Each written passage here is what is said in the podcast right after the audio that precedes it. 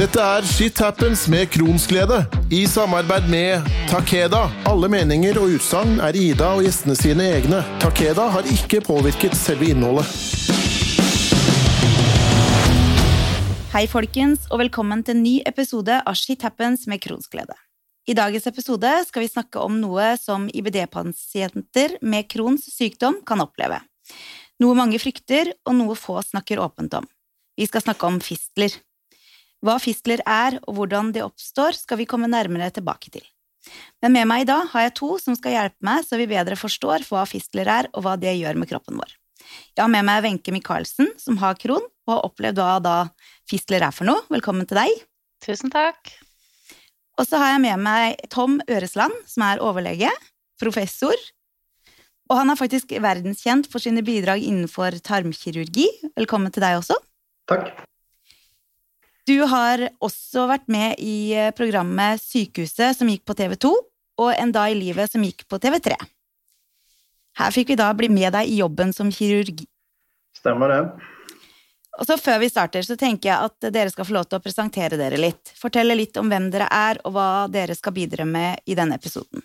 Så kan vi kanskje begynne med deg, Tom. Hvem er du? Jeg er, som du sa, jeg er uh, pensjonert siden et år, faktisk. Men uh, overlege, professor på Ahus de siste tolv åra. Og før den tiden var jeg i, på Salgrenska i Gøteborg i 26 år, så jeg har det meste av min bakgrunn fra Sverige. Ja, og så har vi deg da, Wenche. Kan du fortelle litt om deg også? Ja, jeg er 46 år. Eh, diagnostisert med Crohns fra jeg var 13. Tobarnsmor, bonusmor, forlova særboer for å gjøre det skikkelig artig. og bor i Trondheim. Er fra Frøya. Har sittet i LMF i ganske mange år lokalt, og i LS liker å bidra positivt for eh, folk som får det sykdommene der. Ja, og før vi skal høre historien din, Wenche, så ønsker jeg da å egentlig få vite litt mer om hva fistler er. Og her har vi jo nettopp deg med oss i dag, Tom. Eh, hva er fistler, og hvordan oppstår dette her? Fistler det er eh, definisjonsmessig en gang som, som i grunnen ikke skal være der en gang som går mellom enten to hullrom i kroppen eller mellom et hullrom og utsiden huden. Ehm, det vanlige plassen man har i fistler, det er jo i rumpa. Og da oppstår de fistlene eh, hos de som ikke har kronsykdom, så oppstår de fistlene i de kjertlene som vi har et stykke inn i analkanalen. Når de blir infisert, så kan det, eh, den infeksjonen bryte igjennom til huden på utsiden. Og da har man det som vi kaller for en analfistel. Det kan eh, folk flest få. Det kan kronpasienter også få. Men i tillegg til det så har eh, kronsykdommen den, den dumme egenskapen at den, den inflammasjonen den går gjennom tarmveggen. Og Når den gjør det, så kan man få en eh, infeksjon på utsiden av tarmen. og Hvis den infeksjonen da bryter igjennom, enten til, eh, til utsiden av kroppen, til huden, eller til et annet organ inni kroppen, da har man en fistel. Mm før vi nå skal høre historien din, Wenche, så ønsker jeg bare å si at dette her er da Wenches sin historie, og at det finnes like mange historier som pasienter. Så her er det jo ingen fasit, eh, og dette her oppleves jo veldig forskjellig, og behandlingen er også forskjellig fra pasient til pasient. Så nå da, Wenche, hva skjedde med deg? Først og fremst, hvor lenge har du hatt egentlig Crohns? Nei, det blir nå over 33 år nå, da. Ja. Så eh, Men en lege jeg hadde på St. Olav i gode, gamle dager, han sa at han mente at jeg var født med det, da. Så ja. det er liksom en sånn Det har liksom alltid ligget der. Mm. Men jeg fikk det for diagnosen da jeg var 13 år. Mm. Um, på en så utypisk plass som tolvfingertarmen. Ja. Den var helt tett. Mm. Så det ble jo litt sånn mistolka med sånn uh, magesår og spiseforstyrrelse og alt det der. Mm. Så jeg var ganske syk før, eh, før de forsto hva det var. Ja. For eh, jeg prøvde jo å fortelle dem at eh, jeg vil ikke være tynn. Mm. Eh, Jeg har ikke bestemt meg for å kaste opp, Mm. eh, men det var jo det jeg gjorde, for det var helt tett. Mm. Så da hadde jeg egentlig Orkanger sykehus som nærsykehus, men eh, jeg ble flytta til Rita, Ja. gamle St. Olav, fordi at eh, det var ganske alvorlig. Så jeg ble lagt inn etter mye om og men, og eh, operert uten at de visste hva de skulle gjøre, og foreldrene mine måtte skrive under på at det kunne gå begge veiene. Ja. Så jeg var tynn og sped, men sterk. Mm. Og det gikk jo heldigvis bra. Ja, ja, ja. Eh, Jeg var- jo 13 år og tenkte ikke over det der. Nei, og det er, det, som er, det er jo det positive med å være barn. Det er jo at en Ja. faktisk ikke på en måte enser litt den faren ved det vi går igjennom. Nei. Det blir verre når en blir eldre, og enda verre når en blir forelder. Ja, ja, ja. Men så var det jo sånn at uh, du skulle jo få kjennskap til det vi skal prate om i dag, nemlig fistler. Um, og hvordan fant du ut at ting ikke var helt som det skulle hos deg? Um, nei, du, det var uh, i 2005 så ble jeg gravid med min andre. Uh, hadde en fra før da, som uh, var åtte år gamlere. Da hadde jeg et helt fantastisk svangerskap. Alt var easy-peasy og la på meg lite og bra krons. Og så hadde vel forventninger til at det skulle bli likens igjen. Mm. Det ble det ikke. Ble eh, veldig dårlig. Ble sånn vondt og Eh, måtte gå på antibiotika nesten hele svangerskapet. Måtte Mm. til og med på gastroskopi eh, mens jeg var høygravid. Eh, og det tok faktisk en ganske lang stund før de fant ut at det var ganske mye tarmbakterier i urinen min. Mm. Så da kom vel det første tegnet på at det var en fistel mellom skjede og endetarm. da. Mm. Eh, Men er født normalt, og, og um, det har på en måte gått greit. Jeg har vel vært sånn Utenom når jeg var gravid, så har ikke jeg egentlig hatt noe vondt med fistlene mine. Mm. Om det er min smerteterskel eller hva det er, det vet ikke jeg, men jeg, jeg har vel egentlig aldri tenkt sånn kjempemye over at jeg er dårlig, selv om jeg har vært mye veldig dårlig. Nei. Nei. Og det kan jo være en god egenskap. ja, tenker jeg òg. Så du blei rett og slett øh, eh, syk med fiss, eller syk, ja, du fant ut av det når du var gravid. Eh, og etter da du eh, hadde født sønnen din, så regner jeg med at de snakka om noe behandling, eller hva, hva skjedde videre? Ja, ehm, jeg har jo gått på litt forskjellig av medisiner opp igjennom, men eh, i og med at jeg kanskje er en sånn positiv person, så blir man litt misoppfatta, så man Mm. får kanskje litt medisiner litt seint noen ganger, Mm. eh, som kanskje kunne ha redda Blant annet, jeg har jo hatt veldig mye lekkasjer eh, fra Mm. endetarm, så jeg har fått en kron som har flytta seg hele systemet Mm. fra munn til endetarm. Mm. Eh, og em, har vel egentlig eh, angrepet det alltid med sånn positivitet. sånn at til slutt så måtte jeg, når jeg ble gamlere, så måtte jeg si til legene da jeg kom på sykehuset at dere må høre på det jeg sier, Mm. ikke se på hvordan jeg ser ut. Ja. For at det er det jeg sier som er sannheten. Mm. Eh, og da ble det litt likere, for det ble liksom en sånn ærlighet imellom oss da, og det ble tatt litt mer på alvor. Mm. Så eh, jeg begynte etter hvert med, i, med biologisk medisin. Mm. Eh, ble eh, Ja, hadde, hadde liksom tre ting som tappa meg ganske mye de siste årene før jeg fikk det. Det var liksom energi, eh, smerter eh, og lekkasjer. Mm. Så med biologisk da, så ble på en måte to av tre bra. Mm. Eh, Smertene kom bort, og energien kom. Eh, Men lekkasjene i endetarm var liksom for seint, da. For der Mm. hadde det vært mye Det var fisteltre, det var arrvev. eh, Det var Det var skikkelig ille. Ja. Så ble jeg skilt, og så flytta for oss sjøl, jeg og ungene da. Eh, Og så begynte jeg faktisk å jobbe litt og være ufør i ganske mange år. Eh, helt fantastisk å få arbeide litt grann, Mm. og føle seg liksom litt sånn som alle andre. Ja, det skjønner jeg.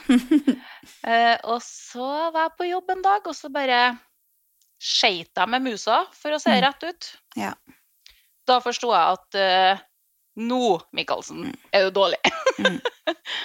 så da Da var det ikke bare en liten fist eller gang noe mer, med spor av uh, avføring i, i skjeden min. Mm. Dessverre. Og da ble det vel litt mer fart i sakene, regner jeg med. Ja, det ble det. Eh, da Det er jo noe med det der med stomi, har de jo snakka om i mange år. Mm. Eh, og jeg har aldri liksom sett på stomi som noe sånn negativt eller nedtur, men den dagen jeg bestemte meg for det sjøl, så måtte Mm. jeg bestemme meg for det sjøl. Ja. Og så er det mye mann i meg. Jeg skal finne ut alt før jeg bestemmer meg. Ja. Så da krevde jeg en tur til Bergen på den fistelklinikken, bare for å liksom For det er tross alt underlivet mitt Mm. i tillegg til tarmen min, eh, kvinneligheten i meg. Mm. Så eh, når hun dama, flinke dama der sa at du må ha stomi, så ble det stomi. Mm. Eh, Og det er vel det beste jeg noen gang har kommet på og fått, kanskje. Mm. Selv om det ble en komplikasjon der òg, da, etter operasjonen. For han kirurgen, han Når han vet at jeg har fistelproblematikk og får en bøylestomi langt ned mot endetarmen min, så skal ikke du sy djupt. Nei. Nei. Så eh, det vi trodde var bare at det ikke grodde på sida av stommen, var jo da en fistelgang igjen. Mm. Så da tok det enda litt lengre tid før du var oppe og gikk. Det Ja. gjorde det. Det tok litt tid før eh, Men heldigvis så er jeg Selv om jeg aldri liksom fokuserer på at jeg er dårlig, så er jeg jo i mitt eget liv og vet hva som fungerer for meg. Mm. Så eh, etter en liten stund så sa jeg at uh, nå skal vi begynne på med biologisk igjen. Mm. Så var de litt uenige, da. Uh, og så sier jeg nei, men det er det som skal til. Mm. For de var redd at det var absess, da, vet du, og sånn. Så sier jeg men det er ikke det. Det er rett og slett en fistel igjen. Du kjenner liksom igjen det. Mm. Så hadde jeg to behandlinger, og etter det så har det grodd og litt sånn rar på sida av stommen min, da, men uh, skita til. Ja. Litt sånn arva ble der òg, selvfølgelig. Mm.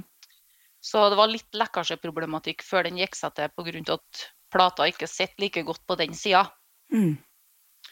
Men de skulle jo operere meg på nytt, tenkte de, og flytte den til andre sida. Sånn, så sa jeg nei, vi skal prøve medisin først. ja. Og det Det har fungert. Så bra. Ja. Når du hører historien eh, til, til Wenche, Tom, er dette her noe du har eh, hørt mange pasienter fortelle om?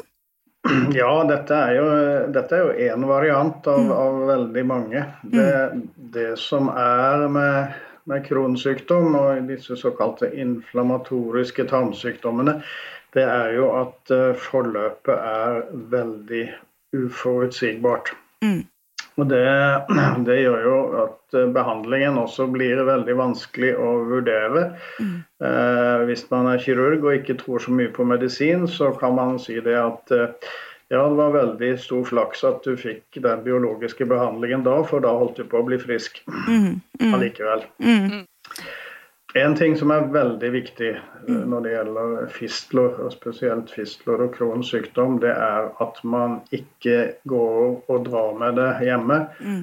Eh, Så fort man får en byll eller får vondt, eller det blir rødt eller det blir hovent, så må man eh, til lege, helst til kirurg. For det viktige er å åpne det opp tidlig. Tømme ut infeksjonen. Og da, hvis man har flaks, så kan det, kan det være nok. Det kan gro igjen. Hvis man har uflaks, så blir det en fistel av det, men da blir det iallfall en kontrollert fistel. Hvis man venter, så kan denne infeksjonen spre seg ned i, i bekkenet, og man kan få veldig kompliserte fistler med mange åpninger på kors og tvers. Og da, da er det en svært vanskelig situasjon. Jeg hadde, eh, Ved en tidligere anledning så hadde jeg et eh, program om sex og samliv. Og der hadde jeg besøk av ei dame som var veldig plaga av fistler. Eh, hun var eh, fortsatt i, i, en alder hvor det å ha sex er viktig, men hun fortalte at fistlene hennes hadde ødelagt sexlivet hennes totalt. Hun, hadde, hun var singel og hadde overhodet ingen Altså, ønsket hennes om en ny partner var jo ikke heller der, men hun turte jo ikke heller. For som hun sa, ikke hadde hun kontroll. Ikke var det Hun var livredd for smertene. Ehm, og jeg tenker at det med Og spesielt for oss damer, da. Det å få fistler, og da i mellom skjede eh, og eh, endetarm, må jo være eh, fryktelig å leve med. For noen. Er dette her noe som skjer med mange? Ja, dessverre er det nok det. Altså Akkurat hvor mange som får den typen fistel, har jeg ikke tall på. Men, men hvis man ser til Crohns sykdom og det vi kaller for perianal fistelsykdom, altså fistler i det området, så er det sånn at eh, en fjerdedel til en tredjedel av de som har Crohns sykdom, mm. får også dette. Mm. Og hos uh, ganske mange så er det første symptom på Crohns sykdom. Mm. Ja, det har jeg faktisk hørt om. Eh, flere som ja. fikk diagnosen sin på den måten mm, der. Nettopp. nettopp. Mm. Så det, no, det, du sier, er at får man, eh, har man Crohns og man begynner å få eh, symptomer, så er det viktig å gå til en spesialist, ikke bare gå til fastlegen. Ja. Eh, ja. Fordi det er jo, som vi har snakka om før også i programmet, at eh, fastleger er flinke, men de kan litt om alt. Det er en grunn til vi har gastrokirurger og ja, dere som skal passe på oss, rett og slett. Ja, og så er vel problemet det at i dag så finnes det så veldig mange varianter av behandling, og det er jo fristende å, å, tenke at eh, nei, dette ordner vi med litt antibiotika og litt biologisk behandling, og så blir det bra. Mm. Men eh, er det en infeksjon på dypet, så blir det ikke bra, og den må, den må ut. Den må tømmes ut. Men hvor stor grad er eh, behandlingen vellykka? For jeg har hørt om veldig mange som sliter årevis med dette her. Er det Eh, sånn at man får behandling, og så blir man bra? Eller er det faktisk mange som vil slite i, dette for resten av livet? Det er det, dessverre. Mm. Det er mange som sliter med dette over lang tid. Mm. Uh, det sies at, at uh, denne kronsykdommen den har en tendens til å brenne seg ut. Så når man blir uh, i min alder, da og har hatt kron siden eh, sånn som Wenche har hatt, så kan man håpe på at da har sykdommen liksom eh, ja. da gitt opp. Men eh, det, det, er ikke noe garanti for det, for det heller, dessverre. Det hender at eldre folk også får kron. Ja. Du snakka litt om det i stad, Wenche. Det å leve med lekkasjer, hvordan er egentlig det? Det er vi vant til, for så vidt. For har man kron, så Eller i hvert fall mange av oss. Eh, opplever jo at man ikke klarer å holde på avføring, eller at man ikke rekker fram, alt dette her. Men jeg vil jo tenke meg at det å ha konstant lekkasje fra en fistel er noe helt annet. Um, hvordan er det? Um, nei, man må på en måte skru hodet sitt sammen på et annet vis, da, for å på en måte leve normalt. Mm. Eh, så for meg så var normaliteten bare å ha på meg denne bleien. Mm. For eh, ut skulle jeg. Ja. Eh, jeg er sosialt mm. vesen. Jeg liker å gå tur. Det som jeg syns kanskje var litt annet, sånn som jeg tenkte på innimellom, det er lukt. Ja. Jeg brydde meg egentlig ikke så hardt om at jeg lak. Eh, ikke helt normalt sikkert, men jeg var mer opptatt av å leve. Mm. Eh, og jeg har den sykdommen her, men den skulle ikke få bestemme over meg. Nei. Og der er vi veldig enige. ja. Mm. Så hvis at jeg liksom hadde bestemt meg for å gå på en trimtur, så gikk jeg mm. på en trimtur. Mm. Um, og ja, eh, og så er jeg av de heldige som lell om jeg hadde, hadde jo ikke noe link på lekkasjene mine. Jeg kjente ikke det før det var der. Eh, så lell så er jeg av de heldige da sikkert som ikke blir sår. Mm. Så lell om jeg konstant egentlig hadde spor av avføring i rumpa mi, mm. så ble ikke jeg sår. Av en annen grunn. For dette her er sikkert noe Det er jo ikke alle som er like heldige, som Wenche forteller her, eh, Tom. Det her med lekkasjer er jo beintøft for mange. Ja, visst er det visst er det. det. Det er jo det er grusomt. Og jeg vet jo om mennesker som ikke er utafor døra si lenger, mister hele følelsen av å ha et liv. Eh, Så lekkasjer kan Altså dette her med fistler og lekkasjer og lekkasjer generelt er jo noe som kanskje bør snakkes mer om enn hva det gjøres i dag. Ja, så er det Wenche nevnte det så vidt. Det er jo noe med det at kvinner de føder barn. Mm. Og så der er det en diskusjon blant oss eh, leger. Eh, hvordan skal man føde barn hvis man har eh, kron i endetarmen og hvis man har fistelsykdom? Mm. Skal man da eh, utsette seg for en vaginalfødsel, eller skal man ta et keisersnitt? Mm. Det er, det er en, eh, en diskusjon der eh, mange har eh, meninger. Vi, vi har vel ikke noe sånn voldsom evidens for det vi syns. Men eh, jeg som har sett veldig mye av denne elendigheten, syns nå keisersnitt skal være førstevalg. Ja. Ja, og det, det høres jo ganske logisk ut. Um, Det som å- regel Ja, uh, unnskyld. Nei, som regel har vi jo litt følgesykdommer òg. mhm. Så jeg har jo Lishen.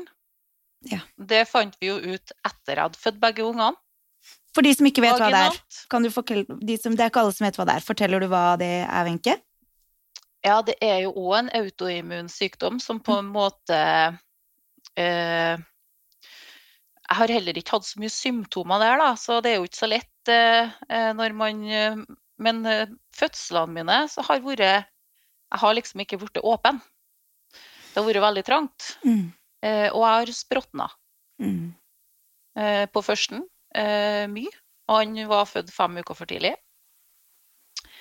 Og så åtte år etterpå så sa jeg jo det at det er likens som sist. Mm. Det er for trangt. Jeg vet at det her ikke går bra.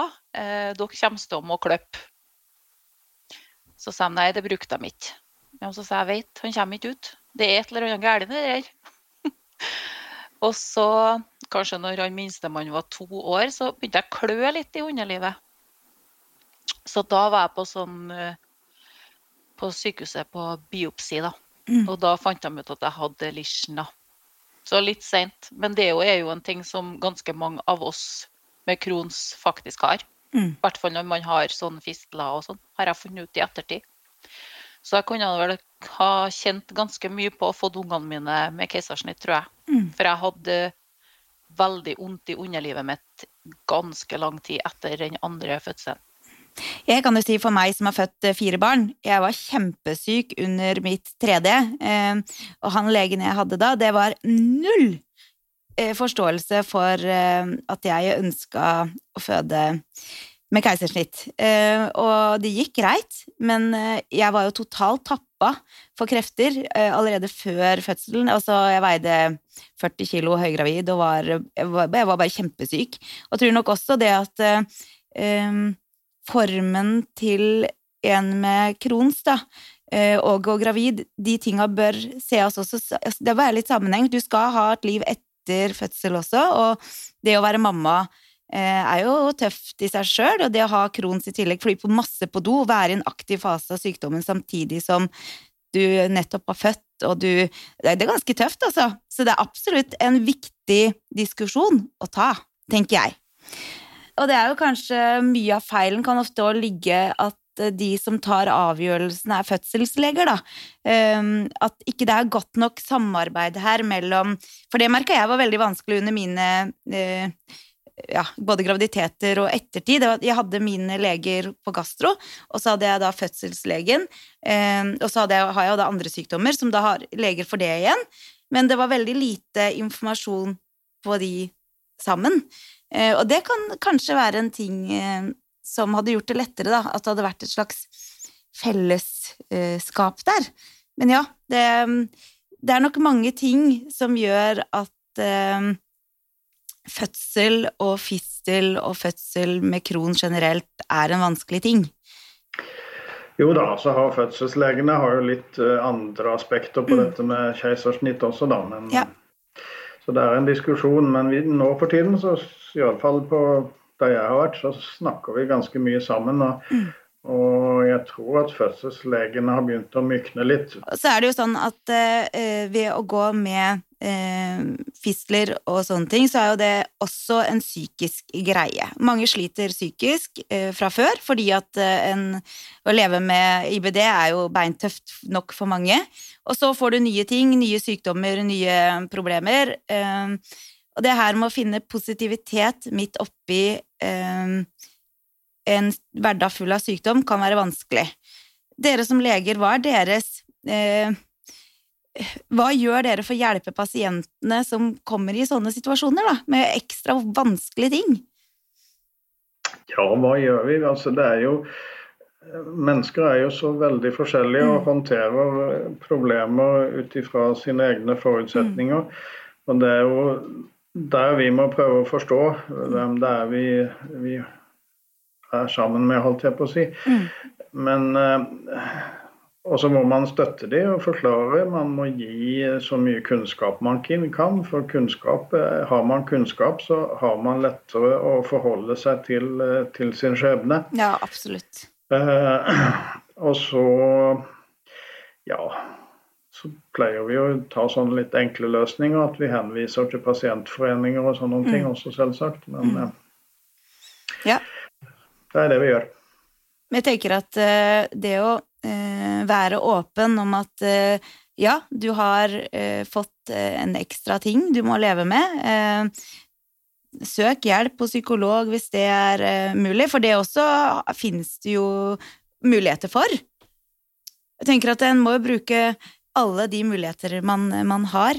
Nå, nå blei jo du, Wenche, ganske bra, og du sier at du har fått deg kjæreste. Det betyr jo at uh, du mest sannsynligvis har fått uh, et både bra sexliv, og at alt er greit med deg på tross av, av fistelproblematikk. Ja, uh, det er det.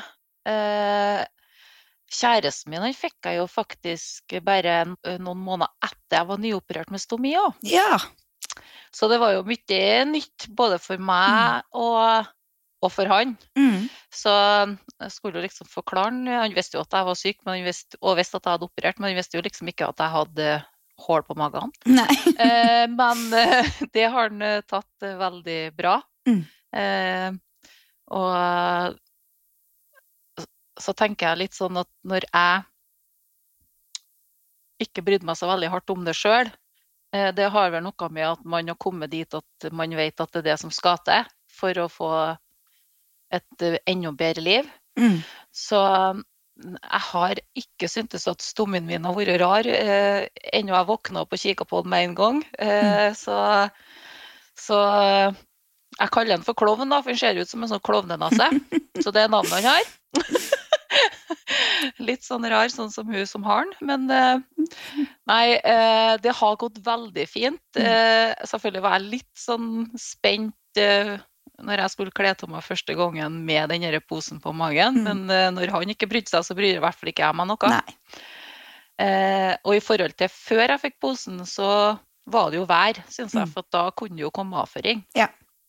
Så nå er jeg jo mye Har jeg mye mindre hemninger og mm. kan gjøre akkurat hva jeg vil. Mm. Eh, og det er godt. Ja. Og jeg tenker at det å ha et bra sexliv er viktig, uavhengig av om en er syk eller ikke. Ja, et spørsmål nå før vi avrunder som jeg tenker er litt viktig å snakke om. Hva tror dere er årsaken til at dette snakkes så lite om, dette her med fistler? For fistler snakkes ekstremt lite om, i hvert fall blant oss pasienter. Hva tenker dere om det? Kan ta Tom først, da. Det er, ja, hva tenker man? Det er i samfunnet vårt, det. Mm. Altså, hvis man sitter i et fint middag med folk man ikke kjenner, og så forteller man at man er hjertekirurg eller hjernekirurg, så blir det folk voldsomt imponert, og mm. det kommer masse spørsmål. Når jeg sitter der og de spør hva jeg driver med, så sier jeg at jeg driver med avføringsinkontinens og sånne ting. Mm. Da skifter man samtaleevne ganske raskt. Og det, dette er, eh, det er sånn vi er. Mm. Ja, hva tror du, Wenche? Eh, nei, eh, akkurat sånn som Tom sier, mm. så er det liksom tabu. Og jeg har fundert ganske mye på det der eh, opp igjennom, for at eh, ungene våre, da, Mm. når de er små, så skal vi få dem til å gå på do, de skal Mm. snakke om bæsj og tiss og alt. Og så når de blir gamle nok til å snakke om bæsj og tiss og alt, Mm. så skal de hysje. Ja. Skal ikke de si noen ting. Mm. Eh, Da skal vi liksom få dem til å lukke seg. Jeg jobba i barnehage. Jeg har hatt unger der som faktisk ikke har bæsja mens de har vært på barnehagen, fordi at det er liksom Det er ikke lov til å snakke om det, eller tenke på det. Det er ikke noe Mm. rart det blir forstoppelse og Nei. sykdommer. Men så har jeg eh, vært så heldig og fått hatt en par foredrag på NTNU i Trondheim eh, som bruker til noe som heter Eksperter i team. Mm. De som da skal bli leger og farmasøyter og de som går siste års. Eh, og eh, de har noe som heter landsbyer, da, og de skal liksom på tvers da samarbeide om tema. Og eh, headline deres er jo 'Betennelse roten til alt ondt'. Ja. Eh, og nesten hvert år så velger de, som Tom sier, noe med hjerne eller hjerte. Mm. Mm. Første året så var jeg sikkert litt sånn nervøs, og da var det ikke så mange som beit på at tarm var kult. Ja. Men av sju landsbyer så valgte seks tarm som Oi, tema. Ja. Eh, og jeg fikk komme og se på sluttresultatet, og det var helt fantastisk. For at de skjønte at fungerer ikke tarmen, så fungerer faktisk ikke resten heller. Og så tror jeg òg at det at vi har kjente mennesker da, som har både ulcerøs kolitt og Crohns, har gått, som har gått ut åpent og snakka om sine opplevelser, eh, er jo med på eh, å sette fokus på eh, IBD, da. Mm. Og det er jo kjempeviktig. At jo mer vi snakker om det, og mer åpenhet eh, rundt dette her, jo lettere blir det kanskje for de som får IBD nå, kontra når jeg fikk det som 17-åring. Jeg visste ikke hva det var, og det var bare Ja, det var nesten sånn at man turte ikke å prate om det i det hele tatt. Men så er det òg viktig, da, tenker jeg, at vi Det er greit med de der kjendisene, men noen av dem skor seg på det òg, da. Ja, At vi tar det som kommer ut Ja. eh, på ekte, Mm. for at de faktisk vil snakke sykdom, og Ja. ikke promotere seg sjøl. Det, Det er er viktig for meg. For er er alle av dem som gjør det Det for å hjelpe oss. Det er jeg helt enig i. At fistler er et tema vi kunne snakke om over flere episoder, er det ingen tvil om, og kanskje er det nettopp sånn det blir. Jeg er utrolig takknemlig for at eh, du, Wenche, var med og fortalte din fistelhistorie. Det er med på å bryte tausheten, og ikke minst fjerne en del tabuer. Tusen hjertelig takk. Takk sjøl. Og så tusen takk for ditt eh, bidrag, eh, Tom Øresland. Forståelse på hva fistel er og hva som kan gjøres for å øke livskvalitet når en først har vært uheldig og fått en fistel, settes utrolig på, pris på. Så tusen takk for at du kunne stille med oss i dag. Ja, takk sjøl. Det var hyggelig. Om du som lytter har spørsmål rundt dagens episode, så ta kontakt på kronsglede alfakrølloutlock.com. Eller så finner du meg på Facebook-siden min med navnet Kronsglede. Her finner du all info om podkasten og våre tidligere episoder.